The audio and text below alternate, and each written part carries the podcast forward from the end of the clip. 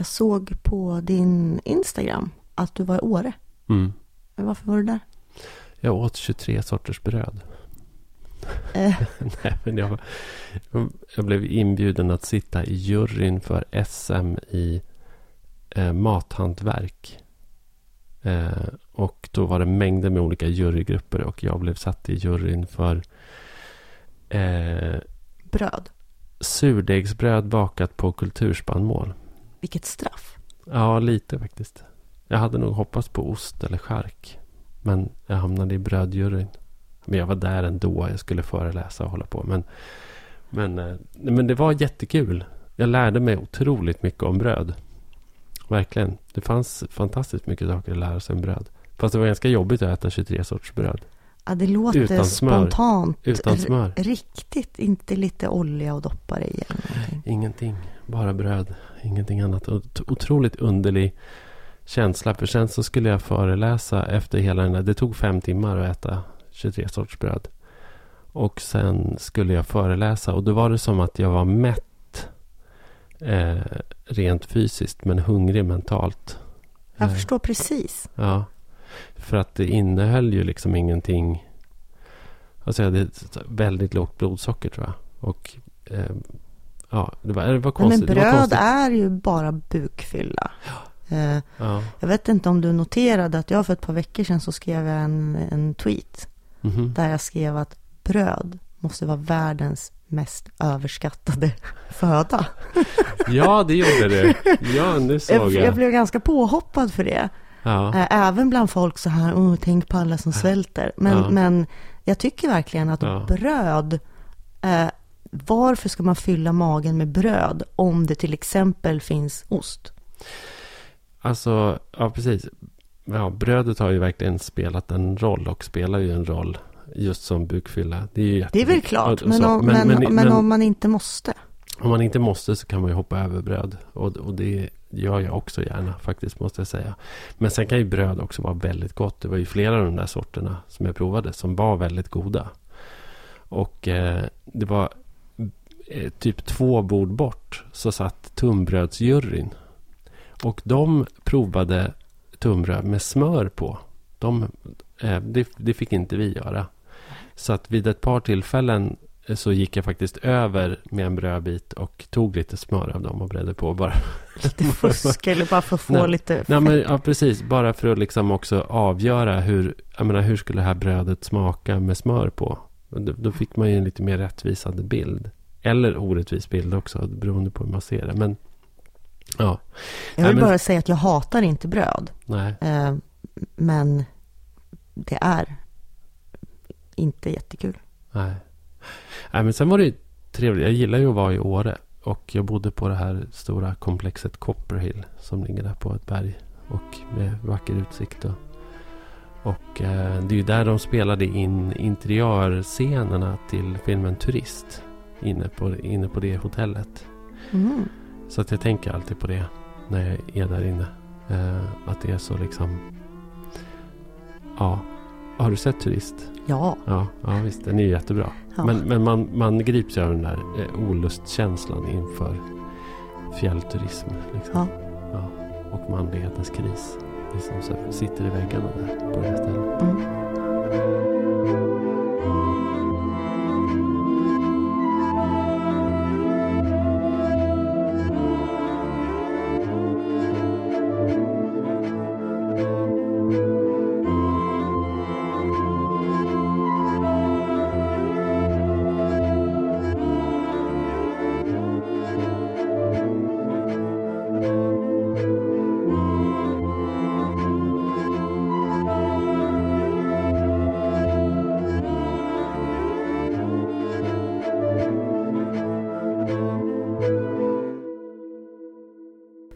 Men eh, hej och välkommen Sofia till Norrlandspodden. Eh, detsamma, Mm. på. Mm. vad, vad, händer i, vad händer i Västernorrland? I Västernorrland, eh, jo, eh, detta händer att eh, Mittmedia, koncernen som jag jobbar i, Ja, har eh, kom ganska nyligen med ett besked om att tidningen Örnsköldsviks Allehanda Mm. ska börja delas ut med post istället för eh, med bud. Jaha. Eh, och det innebär ju då att eh, det blir färre tidningar eftersom det blir inga tidningar på helgen. Nej. Och man får inte morgontidning. Nej. Utan beroende på när posten kommer så, så får man sin tidning då. Och eh, det här är ju bara ytterligare ett steg eh, i medie, alltså mediebranschens Ja. eh, kris och hur det påverkar. De råkar nog bara vara först. Sen Eh. kommer det på andra håll också. Ja, och sen har ju Mittmedia många tidningar. Mm. Så det är väl också den första tidningen kanske. Sen Mm. vill jag bara säga att det här görs ju redan. Eh, Beroende på vart man bor. Ja, ja. Eh, Jag vet ju att till exempel min mamma som har Sundsvalls tidning. Som också Mm. är en mittmediatidning. Men som bor på landet. eh, Lite långt från ära och redlighet. Hon får ju tidningen med post. Mm. Så hon får ju då helgtidningarna på måndag eftermiddag med posten. Ja. Det är rätt värdelöst alltså. Ja. Måste jag säga. Vi har ju slutat med pappers-DN här hemma. Läsa den digitalt istället. Ehm, och det är ju också en, en... det är Lite motvilligt måste jag säga. Men det är, det är ju för att DN vill, vill ju ha det så. De vill ju inte att vi ska ha pappers-DN. De har ju höjt priserna. Så till den milda grad att det liksom är ja, i princip omöjligt att, att ha den. För det, för Men- det, det, är alltså det är som prisskillnad eh, mellan den digitala produkten och den fysiska produkten. Så att det är inte, inte försvarbart liksom att fortsätta. Nej, och till exempel Svenska Dagbladet har det ju varit länge. Eh, om man bor utanför Stockholm, eller åtminstone i Sundsvall. Att den har ju varit postutdelad. Ja, Ja. jag har haft den i perioder som pappers... DN får, har man hittills i alla fall fått med bud. Mm. Men eh, svenskan får man med posten. Men, men ja, men det här är ju... Eh, Jag blir lite orolig ändå för att eh, alltså, lokaltidningarna är ju relativt dyra att prenumerera på. Eh, det kostar ju ändå liksom, kanske uppåt 4 000 kronor om året för, en, för ett årsabonnemang på en, på en, liksom en lokaltidning som är relativt tunn och eh, numera trycks ganska tidigt på dagen. Eh, och om den då dessutom levereras på eftermiddagen dagen därpå med ännu äldre nyheter och kanske in, ja, och där kringmaterialet eller det övriga materialet i tidningen eh, är så pass generiskt eh, så att man kan leva utan det. Eh, det är lite korsord och lite tv-tablåer eh, och, och sådär. Då, då är ju risken verkligen att man tappar. Och att man, ja då bygger det ju på att man fyller på med digitala prenumeranter istället i andra änden. Liksom. Mm. Men där är jag tveksam till om det verkligen kommer funka. Ja, Jag tycker det. Jag tycker det. Jag vet inte. Jag är tveksam också. Alltså nu, nu har vi ju, vet, vet ju jag i mitt media så har vi ju eh, ökningen av eh, digitala, alltså så här. Eh, 2017 Mm. Är första året sedan någon gång på 90-talet som vi vänder eh, kurvan uppåt när det gäller abonnemang. Mm. Alltså beroende på att de digitala abonnemangen ökar mer än pappersabonnemangen slutar, Minskar, minskar. Men eh, det är ju också, det är ju ändå, även om, ja det kostar mycket att trycka och distribuera tidning. Men ett digitalt abonnemang motsvarar ju ändå inte ett pappersabonnemang. Nej. Eh, och eh, frågan är ju också det här med lokaltidningen, eller bara morgontidningen. För det ska väl sägas att de flesta har ju sin lokaltidning. Eh, de flesta ute på landsbygden sitter ju inte och har lokaltidningen och DN, utan man har sin lokaltidning. Och, Ja. och det är för de som prenumererar på tidningen eh, en viktig vana. Som handlar mer om att bläddra i tidningen på morgonen eh, än kanske om något annat. Jag vet inte. Jag tror många av dem kommer att bli svåra att få över digitalt. Det de tror jag också. äldre. Ja, och, och, och då är ju risken att de... Vad är det för mediekonsumtion de kommer ägna sig åt då? Eh, liksom den, den gruppen. Och jag tror, inte, jag tror inte att den gruppen är så gammal som man tror. Jag tror att den gruppen också fylls på underifrån, så att säga. Ja, fast, fast den gruppen som, som har papperstidningen idag är eh, så gammal Ja, jo, som vi tror. det. Alltså, Ja, ja. Så är det ju. Fast vi pratar också om en grupp eh, människor på landsbygden som kanske i, oavsett ålder, mera utifrån någon slags eh, sociokulturell tillhörighet kanske är mindre benägna att skaffa sig en digital prenumeration på en lokaltidning. Absolut. så Så, att, är det. så att eh, det kan ju vara stora grupper som man går miste om. Ehm, ja, jag tycker det.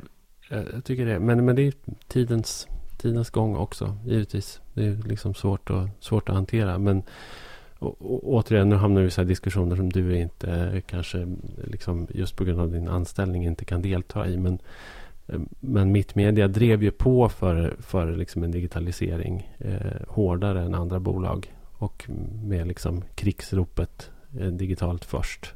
Eh, så kom ju också så följde ju med automatik liksom eh, att pappret kom sist. Och det var ju några ganska mörka år måste jag säga. Eh, där papperstidningen blev sämre under, jag menar, väldigt raskt sämre och tunnare. Och mindre matnyttigt och samtidigt så höjde pris, höjdes priserna. Och det var ju som en strategi från Mittmedia att nu skulle man liksom driva över sina läsare från pappersprodukten till den digitala produkten. Och sen så funkar det inte det. Det här är ju inga hemligheter du står Nej. och säger. Jag, alltså, Absolut, jag har men- ingen anledning att säga emot. Nej, nej, så det är inga hemligheter. Men man kan ju tycka olika om det så att säga. Man kan ju tycka olika om, om, själva, Om strategin. om själva strategin. Eh, Nej, vi släpper det. ja, vi, vi, jag tycker vi pratar om något helt annat. Ja, ja okej. Mm, vi gör det. Ja, Eh, en, ja precis. Ja, eh, det pågår ju ett intressant mål eh, Mm. just nu i hovrätten. Eh, som gäller eh, jakt och fiskerätter. Ja, precis. Det är en långdragen historia detta. Mm. Har du lite koll på den? Ja, men så där eh, måste jag väl säga.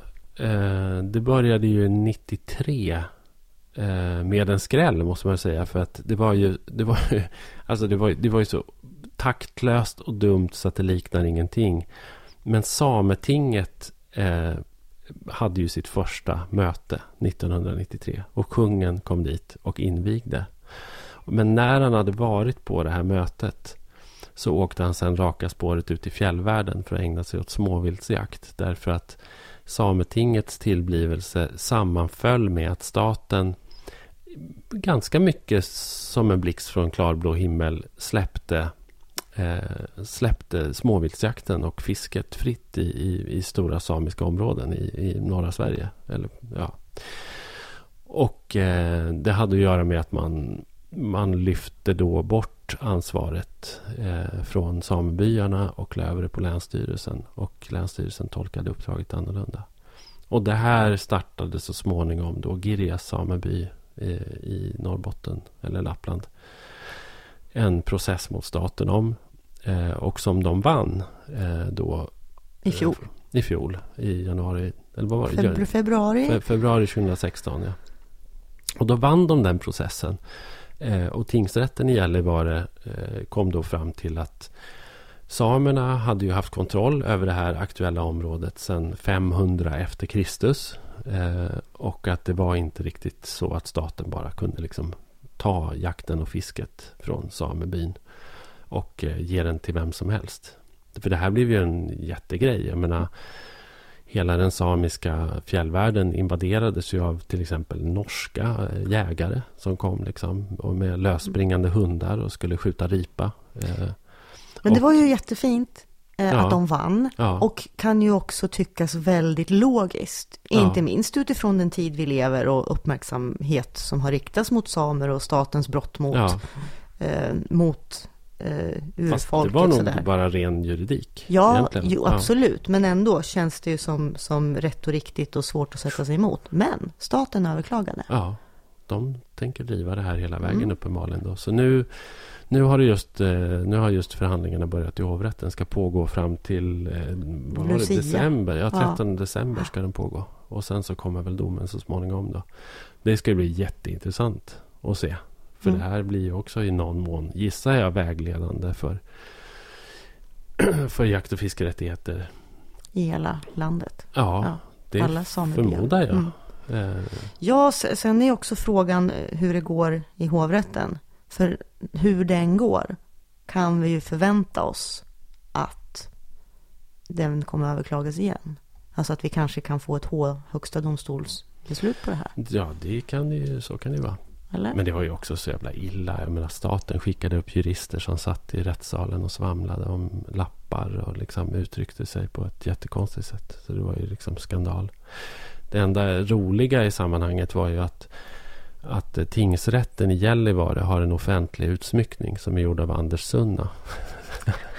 Eh, så att, så att eh, liksom, de här förhandlingarna ägde rum i ett rum så där Anders Sunna hade liksom dekorerat väggarna med, med eh, prosamiska och eh, eh, väldigt antistatliga mm, målningar.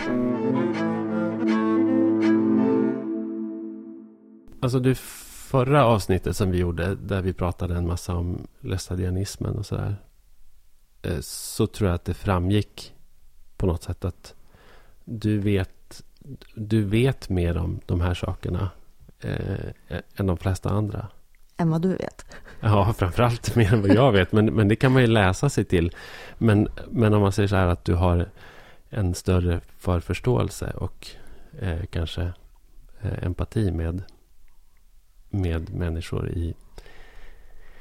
Jag, jag skulle säga att den där empatin, det beror på vem jag pratar med. Ja, Därför att om jag pratar med någon som är väldigt kritisk och kallar liksom frireligiösa människor för sekteristiska, obehagliga eller dumma i huvudet, då försvarar jag dem ju.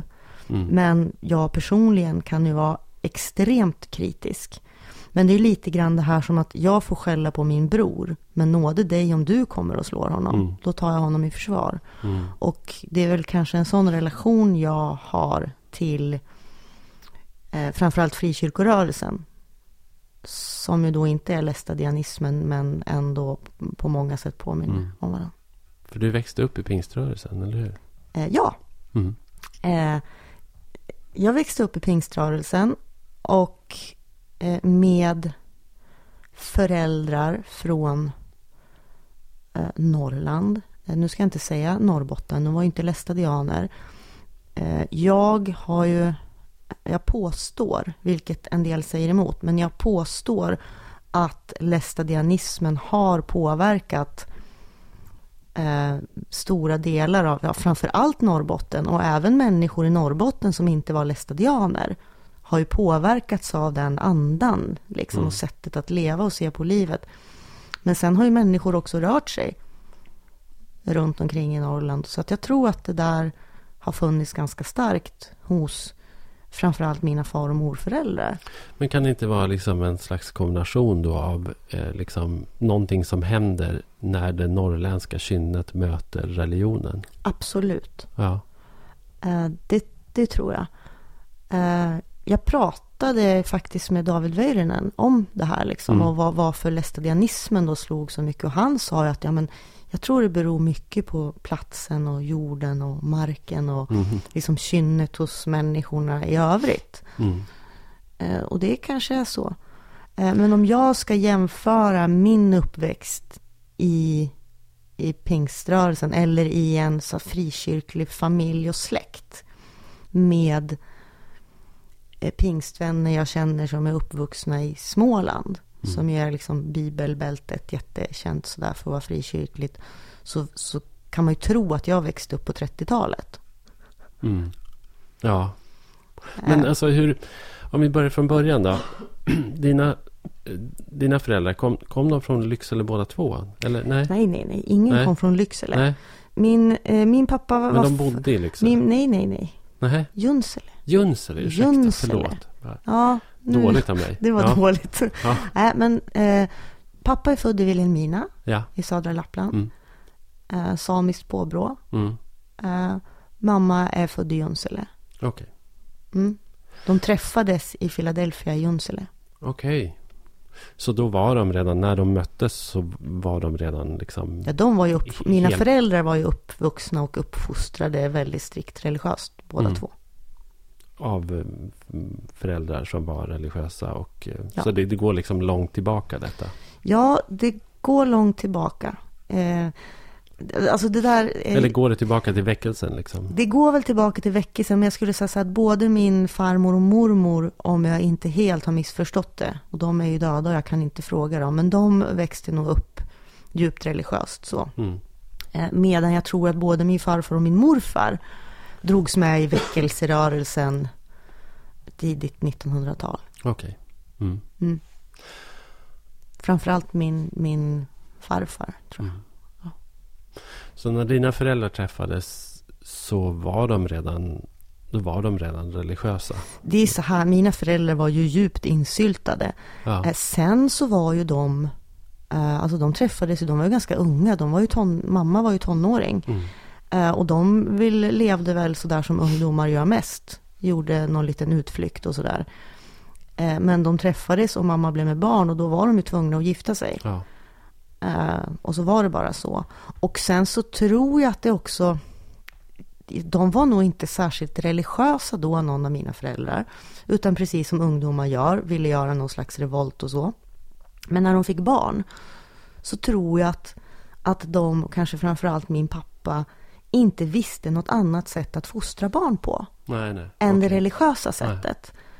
Eh, och så gick de ju mycket i kyrkan då och jag fick gå i söndagsskola och blev ju liksom in, i, ja, men infödd i då församlingen. Men då hade också. de flyttat till Sundsvall? Ja, när Ja. jag föddes hade de Ja. flyttat till Sundsvall. Men du har, ditt, din syster är född i... Nej, vi är födda i Sundsvall båda, Båda två. två. Men ja. Hur som helst så var vi mycket också i Junsele. Ja. Jag har varit en del på tältmöten i Näsåker Mm. och Lapplandsveckan i Lycksele och Pingstvänner har, hade ju mycket eh, tältmöten. ja.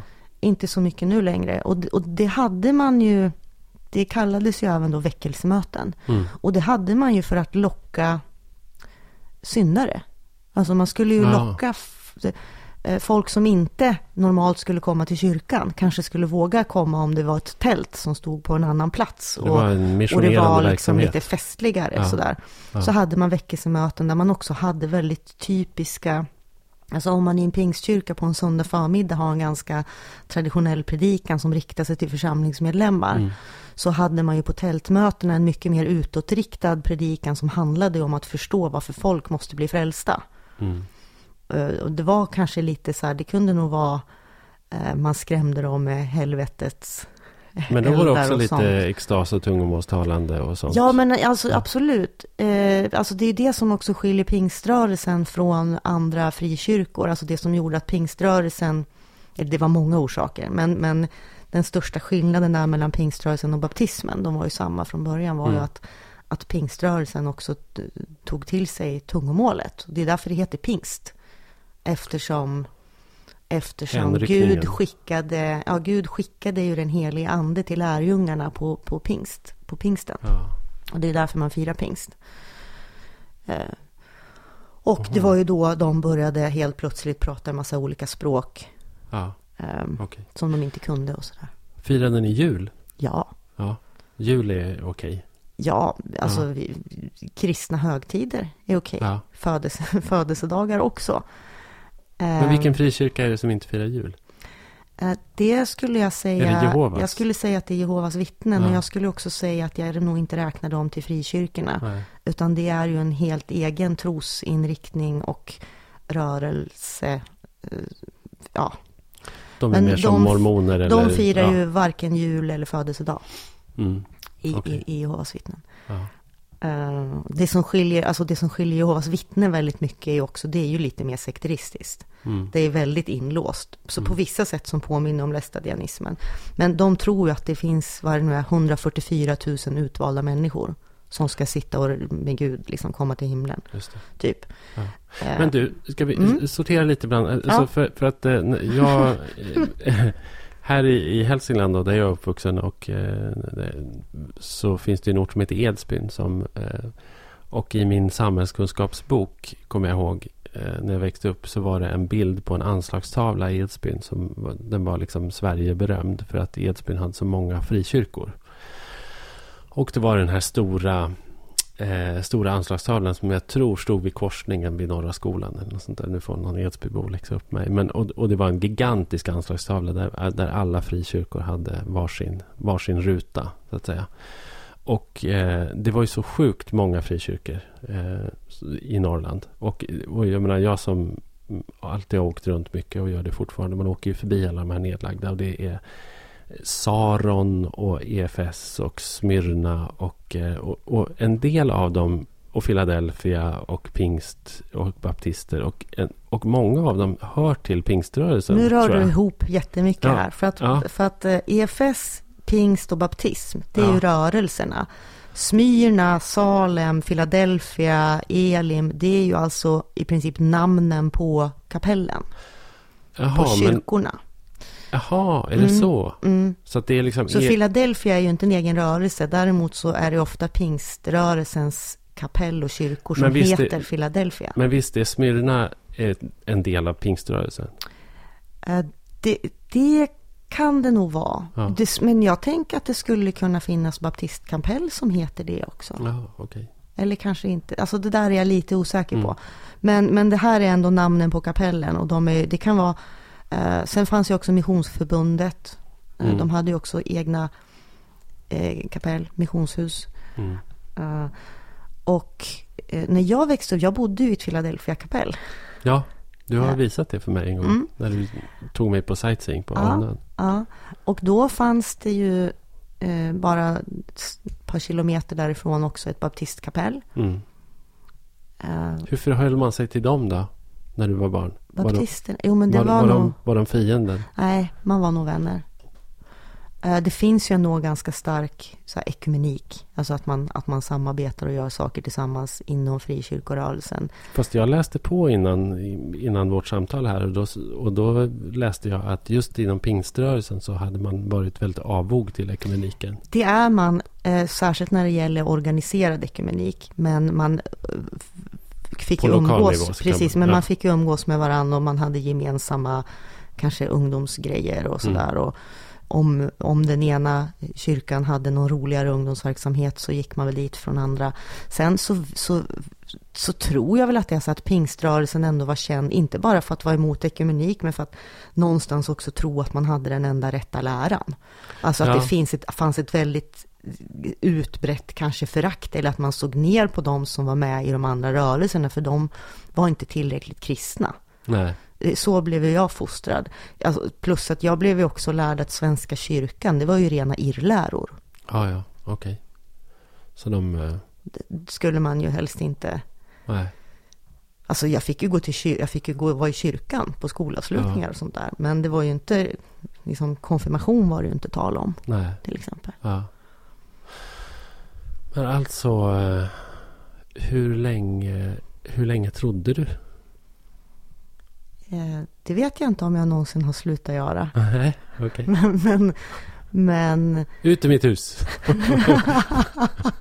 ja. eh, nej, men du måste förstå det här. Ja, men okej, okay, men hur länge, hur länge trodde du på det sättet då, som man gjorde i Jo, men jag vill bara förklara, ja. för det här känns ganska väsentligt mm. ändå.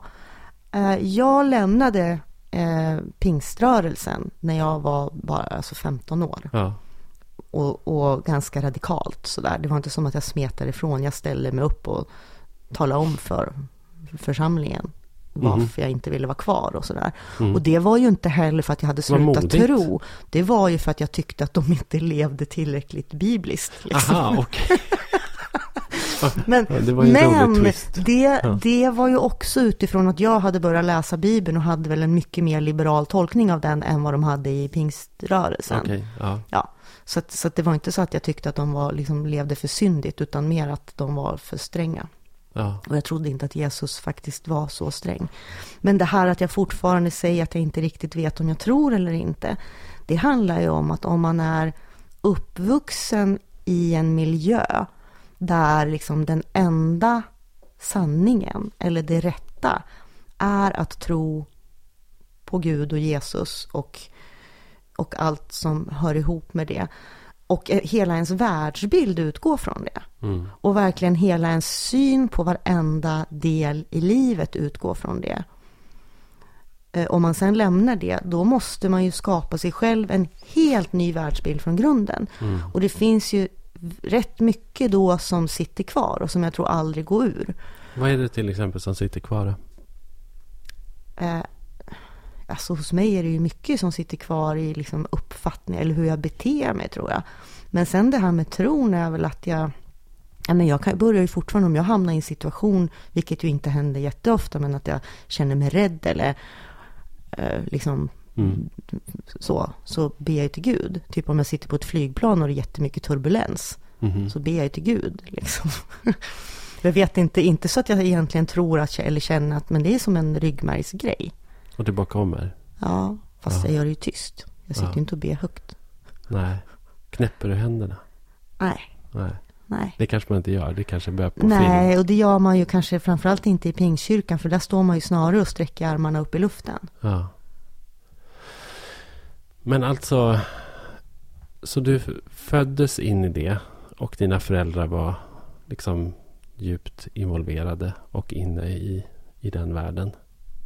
Och hur förhöll du dig till, hur förhöll du dig till liksom samhället utanför? Världen, menar jag. Ja, världen Det utanför.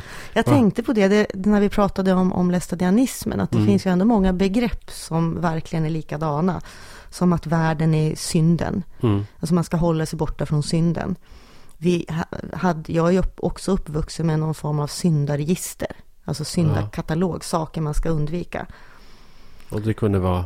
Eh, Det kunde vara kortspel, Ja. det kunde vara dans. Ehm, Alltså okej, vill du höra vad jag inte fick göra? Mm. Jag fick inte spela kort. Eh, och alltså det här, nu pratar jag mellanstadiet. Man Mm. spelar liksom skitgubbe på rasterna i skolan. Eh, och när pappa fick höra det så började han så kolla igenom mina grejer och hitta en kortlek som han slängde in i vedpannan. Liksom, för det fick man inte. Eh, man fick inte dansa. Eh, man, och, men det förklarades ju också. Dans, om man går på dans, då börjar man dricka sprit och då hamnar man i synd och då kommer man bort från Gud, så det är inget bra. Nej. Så jag fick ju knappt gå på ungdomsgården eftersom det skulle liksom vara någon slags inf- inkörsport till krogen. Ja, just det. Alltså ett ställe där Mm. världsliga människor umgås. Mm. Eh, man ska ju liksom helst inte elitidrotta. Man får inte ha idoler, Nej. för det är avgudadyrkan. Mhm. Eh, jag kommer ihåg att jag köpte liksom någon gång tidningen Okej. Den hamnar ju också i vedpannan. Mm. För liksom bara att läsa sånt var ju idoldyrkan. Vad hade du på väggarna då? Jag hade väl en sån här liksom skyddsängel som går med Ja. två barn över en bro. Ja.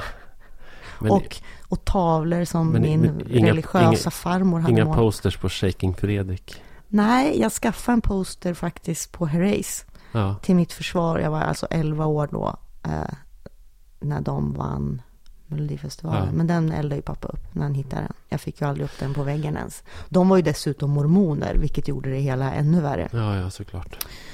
Man fick inte lyssna på, så att säga då, profan musik. Alltså musik som inte var kristen.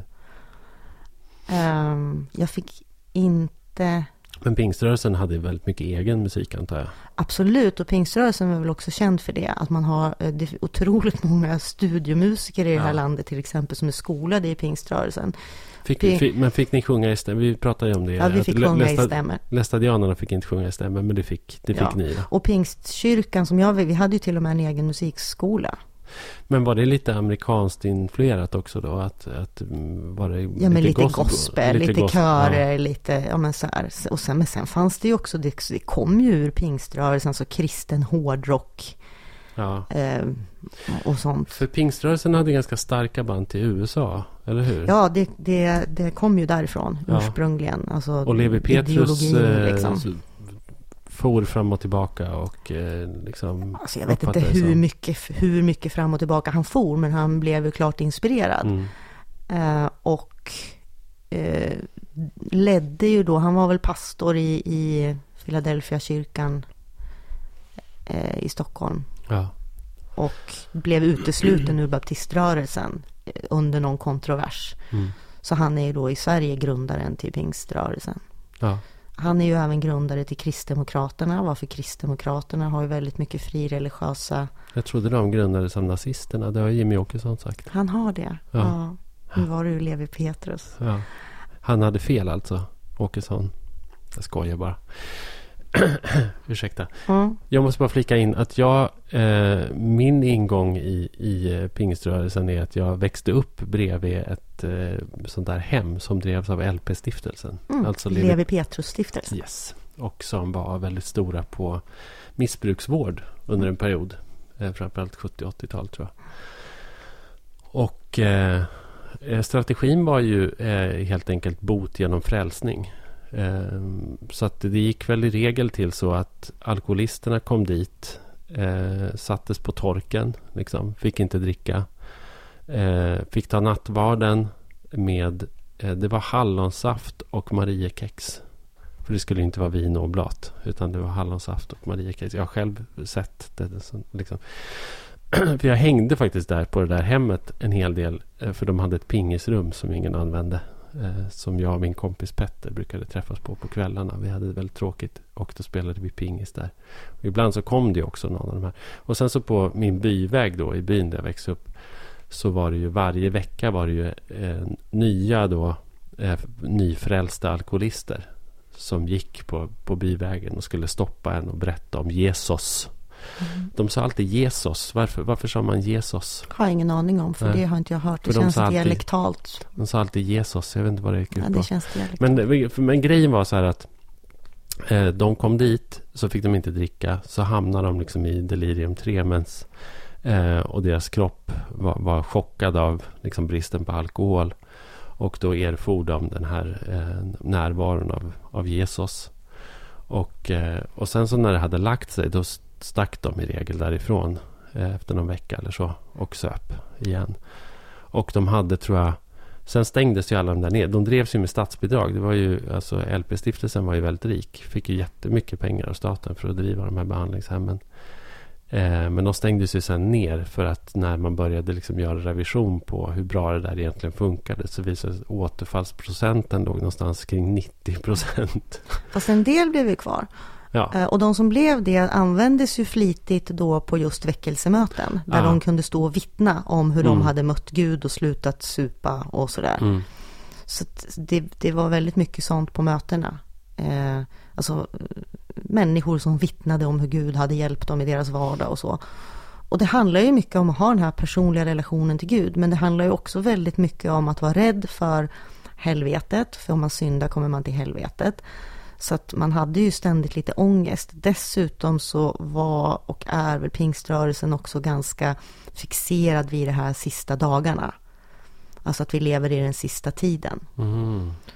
Eh, för alltså domedagen kommer ju. Och det är ju alltså Var du rädd för domedagen? Absolut, nästan mer rädd än för helvetet på något sätt. Eftersom helvetet kommer man ju till när man dör. Och det kändes som att den här domedagen skulle kunna komma mycket plötsligare.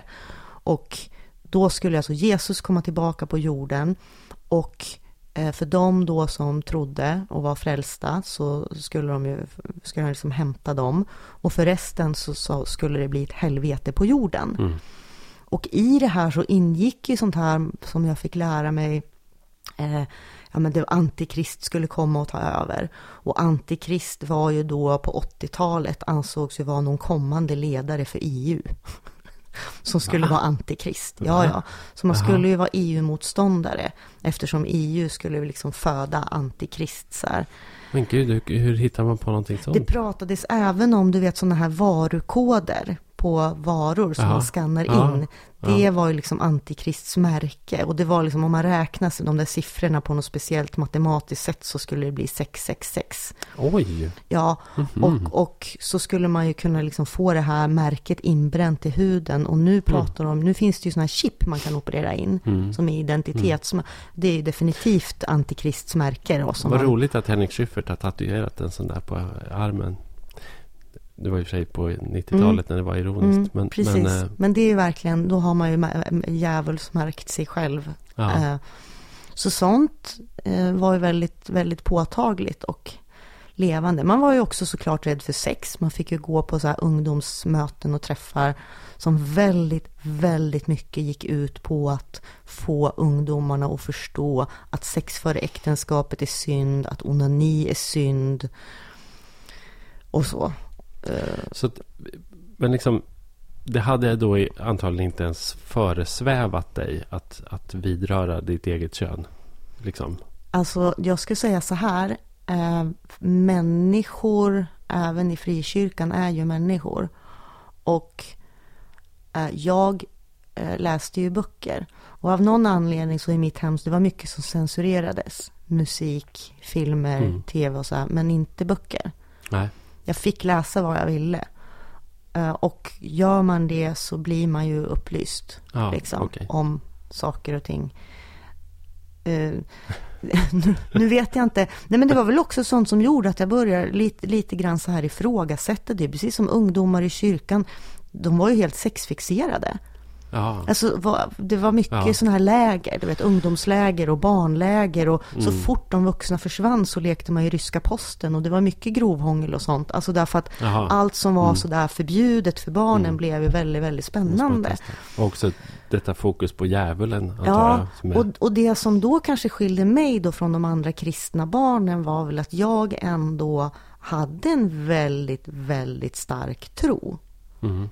Så att jag var ju kanske den som försökte begränsa de här aktiviteterna. Så jag var ju liksom så här hånad i skolan för att jag var liksom kristen och konstig. Och i kyrkan så tyckte de att jag var alldeles för Mm. religiös. Mm. Så Eh, du var på riktigt rädd för liksom, Ja, det var jag. Guds straff? Ja, och, och jag var ju... Och det satt ju också i länge. Alltså så även när jag inte riktigt kanske trodde att man skulle hamna i helvetet så men första gångerna jag hade sex, det är klart jag tänkte på helvetet. Mm. Att nu kanske jag kommer dit. Gjorde det sexet bättre eller sämre? Ja, jag skulle väl säga sämre. Jag skulle säga att det finns ingenting positivt med detta. Nej. Ingenting.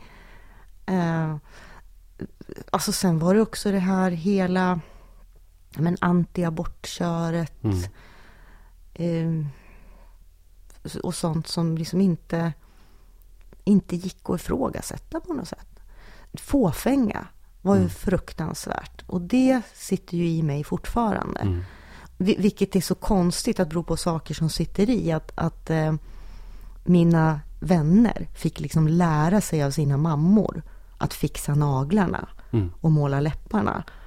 Och jag fick lära mig att man inte skulle vilja vara vacker. Lite grann det här lästadianska, man ska liksom hålla sig tillbaka, man ska inte eh, så. Och det kan jag fortfarande känna, jag kan ju fortfarande inte sminka mig när någon tittar på. För att det är det, är det mest generande jag kan föreställa mig. Att visa att jag är så fåfäng. Mm. Så att jag vill måla ansiktet. Mm. Och det i sin tur har ju lett till att jag har ju, jag kan ju inte måla ansiktet. Alltså jag har ju inte lärt mig att sminka mig. Det är för att det är så tabu och jag har en sån väldigt komplicerad relation till, till det. Tycker du att när du tänker på det här och du tänker på din barndom så här, tycker du att det liksom är förlorade år på något sätt? Nej, nej, tvärtom. Nej. Tvärtom. Ja. Eh, Jag ser det som att, att eh, jag har erfarenheter som jag tror att jag är en bättre människa på många sätt. Tack vare de här erfarenheterna. Att jag kan ha förståelse för människor som inte är som jag. Eh, det känns också som, som, som några nämnde på Twitter när vi sa att vi skulle prata om lästadianismen. Eh, att, att, att i, särskilt i småbyar i Norrland, att människor som, som var kristna då, eller lästadianer, hade lite mer bildning. Mm. Jag kan känna att jag på vissa områden har en, jag är ju outbildad och så, men jag har liksom en grundläggande bildning, för jag hade ju läst Bibeln från perm till perm, liksom när jag var sju. Mm. Och lärt mig att läsa på liksom komplicerat och gammeldags språk. Det var ju så här 1917 års översättning. Mm. Och fick väl ett eh, stort ordförråd och har förstått bibliska referenser i, i annan äldre litteratur och sådär. Mm. Som jag också lätt tog till mig då. Så det ser jag som en fördel. Eh, jag tycker väl att det är, jag tycker väl att det är en bra erfarenhet att ha. Mm. Även om det, vissa saker känns liksom lite tråkigt kanske. Att, Mm. att det känns som att jag har varit tvungen också att bygga egna, egna referenser. Man pratar med jämnåriga, man pratar om musik och sådär. Mm. Att jag var ju så tvungen att själv lyssna i kapp musikhistorien. Och Mm. skapa mig i efterhand samma musikaliska referenser som mina vänner hade. Mm. Och så. Vad tänker du om liksom det, kittet i, i den här församlingen eller i den här gruppen människor som du rör dig med? Vad, vad liksom, så för en utomstående så låter det ju som att lite grann som att kittet bestod i, i liksom rädsla och regler och, eh, och så. Och, så kanske det var till viss del. Men, men liksom hur, hur, hur pass mycket var det det och hur pass mycket var det liksom Okej, ri- ska jag- riktiga mänskliga relationer? Nu ska jag säga en sak som jag tror människor i pingströrelsen kommer att bli arg på. Som jag i och för sig har sagt tidigare. Kittet handlar ju i den församling jag växte upp i bara om någon slags yta. Att visa upp någon slags yta. Att man, att man var en god kristen. Mm. Alltså att man var liksom en ren, att man levde rätt, gjorde rätt. Vilket ju kan inkludera att man gör goda handlingar för att Gud vill det och sådär. Mm. Men att det aldrig riktigt gick på djupet. Sen så fanns det väl människor sinsemellan som hade djupa relationer. Men, men min uppfattning var ju ändå att om man avvek ifrån det som var rätt och riktigt och sådär, då hamnar man ju utanför. Då gällde inte de där relationerna längre? Nej, nej alltså, jag ska inte säga att det alltid var så, för det fanns ju enskilda personer som var genuina människor. Mm. Som tyckte om en även om man gjorde fel. Men, men om man ska se till hela församlingskittet så fanns det ju egentligen inte något. Det låter inte så jättetrevligt tycker nej, jag. jag tycker ju inte att det var det och det var därför jag lämnade. Mm. Ehm, Nu är ju liksom pingströrelsen är mycket svagare än när du, Mm. än när du växte upp. ja, Va- tack och lov. Ja, var, varför, tror du att det är, varför tror du att det är så? Eh, alltså pingströrelsen, eh, by, alltså den, den byggde ju också på det här väckelse. Alltså att människor kom för att de, de, alltså de ansågs ju vara liksom progressiva, de var lite mer spännande, det var ju livat och festligt på gudstjänsterna. Folk pratade ju tungor och sånt, Mm. Ramlade omkull och, och, och man bad för sjuka och sådär. Och, och det lockar ju väldigt många och det kom ju liksom vågor av väckelse Mm. i perioder. Eh, sen så har väl pingströrelsen ändå blivit liksom lite så här lamare. Och sen kom ju Livets Ord. Ja, ja. Och så att säga, de tog ju ganska många pingstvänner. ja. För att de var liksom ännu roligare. Då kom de, när, när nya hade blivit mainstream. radikala precis. Pingstkyrkan var mainstream, då kom det här radikala Livets Ord och, och tog dem. Var det efter din tid? Nej, det var väl parallellt med det. Eller liksom kände, som det du dig, började. kände du dig någonsin lockad av Livets Ord? Nej, nej. Nej. Nej, men jag har ju släktingar som gjorde det och är med fortfarande. Ja. Eh, Jag har varit på bröllop i Livets Ord och sådär. Ehm, Men, men alltså sen handlar det väl om överhuvudtaget någon sån här liksom sekulariseringen bara pågår. Mm. Ja, så är det ju. Så det drabbar väl frikyrkor liksom det drabbar Svenska kyrkan och, och andra religiösa. Mm. De enda som verkar vara på frammarsch i Sverige idag det är ju liksom katolicismen. Ja, Och så, Ja.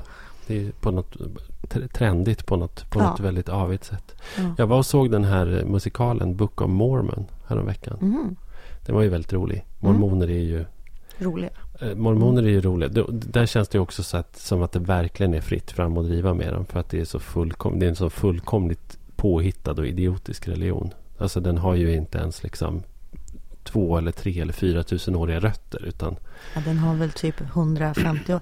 Ja, men Ja. det handlar ju om amerikaner som vill liksom att Jesus ska vara amerikan. ja, Det är ju det det handlar om. Ja, precis. Det är ju Mm. jättekonstigt. Eh, liksom, ja, det, det är Det, full, det är men och full, de har ju sina egna. De har ju mormons bok och den väger ju liksom tyngre än Bibeln.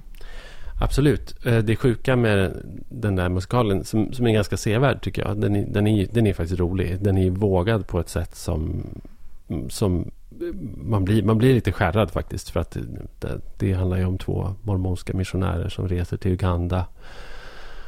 Och där är det ett, ett eh, väldigt skämtande med, med, svarta afrikaner och aids. Måste jag säga. På ett sätt som är verkligen på gränsen till, till vad man kan göra. Men sen skämtar de så himla mycket om allting. Så att det där liksom drunknar i mängden någonstans. Och sen så driver de ju så hejdlöst med mormonismen. Och så finns det en slags sensmoral i det också som är ganska, som är ganska kul tycker jag.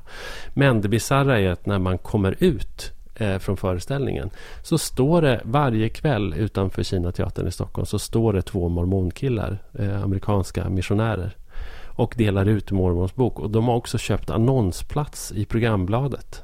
Men där det, det står, klart. Där det står att boken är bättre eh, än filmen, eller ja, än musikalen i det här fallet. Och så delar de ut, och då frågade jag en av dem om de hade sett pjäsen själva. Och då så sa de ju att att nej, det får vi ju inte för medan vi är på vår tvååriga mission så får vi ju varken gå på teater eller titta på film eller använda internet eller eh, någonting. Så att sen kanske när vi är färdiga med det här så kan vi se den här pjäsen då. Så att de står där och, och eh, tror att de ska få med sig. Alltså det är ju, och de delar väl ut en hel del böcker men, men det är väldigt svårt att tänka sig att någon först ser den där föreställningen och sen går med Fast i mormonerna. Sen kan ju folk dras till det konstigaste saker. Ja, jo. Tänker jag. Och ändå bli fascinerade. För jag kan ju tycka att det är jättekonstigt med människor som går med i en frikyrka i vuxen ålder utan mm. att vara tvungna eller infödda i det. Mm. Det kan jag ju tycka är otroligt märkligt. Ja. Eh, men folk gör ju det. Ja. Uppenbarligen så gör ju... Jo. Det finns ju till och med vuxna människor på 2000-talet som väljer att bli lästadianer. Mm. Men, men, men, ja, jag, jag, kan, jag kan förstå alltså lite grann att det ändå kan handla om att man vill tro på något, man vill ha något hopp och man vill ha någonting som, som inte går att förklara. Ja, men hela den på. grejen fattar jag. Men sen så är det det här med att liksom tillhöra en, en religiös gruppering eller en frikyrka. Och sånt där. Det verkar ju också handla så otroligt mycket om ett behov av att att inordna sig i ett regelverk och att sätta upp begränsningar i nej, livet. det handlar det, inte om ett, det. Ett, är det ett att, missförstånd? Menar, om du går med, nej, nej, nej, nej, nej. Om du kommer, nej, om du kommer till ett väckelsemöte i, i pingstkyrkan, säg att du gör det. Mm. Alltså nu har inte jag, nu förekommer de väl knappt mm. som de gjorde förr, men om du hade gjort det på 80-talet så hade det stått liksom en härlig ungdomskör där och de hade sjungit härlig gospel och de skulle se jätteglada mm. ut. Och så skulle det komma några människor och berätta hur Jesus hade räddat dem ur alla möjliga jobbiga situationer, personliga vittnesmål. Folk skulle gråta, krama varann, be, eh, liksom vara i extas. Du skulle liksom känna, alltså nu kanske inte skulle känna den, men kanske skulle du känna Guds närvaro så här. Mm. Och, och alla skulle vara glada, välkomna dig, tycka det var jätteroligt. Och det ska inte handla om några regler. Det enda det handlar om är att om du, finns det någon här som vill bli frälst? Finns det någon här som känner att de vill ha syndernas förlåtelse? Kom fram så ber vi för dig. Mm. Så går du fram och så ber de för dig och så knuffar de omkull dig och så tror du att du träffar av Gud. och, och det är ju därför du går med i en frikyrka. Ja, ja. De här reglerna och de här, de är ju liksom, de är ju oskrivna. De kommer ju sen mm. i undervisningen som du mm. får när du redan är frälst. Mm. Försökte du frälsa andra? Hela tiden. Ja. Jag var otroligt jobbig unge. Ja, det verkar så. På det sättet. Ja. ja, men ja, och man fick ju också sådana här väldigt bra argument för att göra det. Jag kommer bland annat ihåg hur de delade ut ett litet seriehäfte som skulle motbevisa evolutionsteorin. Mm. Eh, där det stod så här ganska ingående om bristerna i kol 14-metoden och sådana där mm. saker som man skulle kunna kasta på folk som ifrågasatte det här med att Gud skapade Adam och Eva och sånt. Men, men typ sådana saker. Man, mm. man, man fick ju verkligen ett så här riktigt smatterband av argument att använda jag var ju jätteduktig på det. Det var ju ingen som kunde säga emot mig när jag började vetenskapligt försöka argumentera för varför man skulle tro på Gud. Ja. Hm. Vilken grej. Eh, ja, eller hur? ja, men det är det verkligen. Ja, det är märkligt. Men det blev ju folk av dig också. Mer eller mindre. Ja. Kanske förklara en del. Mm. Mm. Så kan det väl vara. Mm. Om man gillar den här podden, som vi gör, så får man eh, helt frivilligt jättegärna stötta oss ekonomiskt. Då går man in på patreon.com eh, slash Norrlandspodden. Där kan man fylla i om man vill ge ett stort eller litet bidrag, eh, hur ofta man vill, alltså då dras det pengar varje gång vi Eh, publicerat avsnitt. Och skulle vi av någon konstig anledning få för oss att göra så här tio avsnitt på en månad så kan man ändå sätta ett maxbelopp i månaden. Patreon.com slash Norrlandspodden. Det tackar vi för.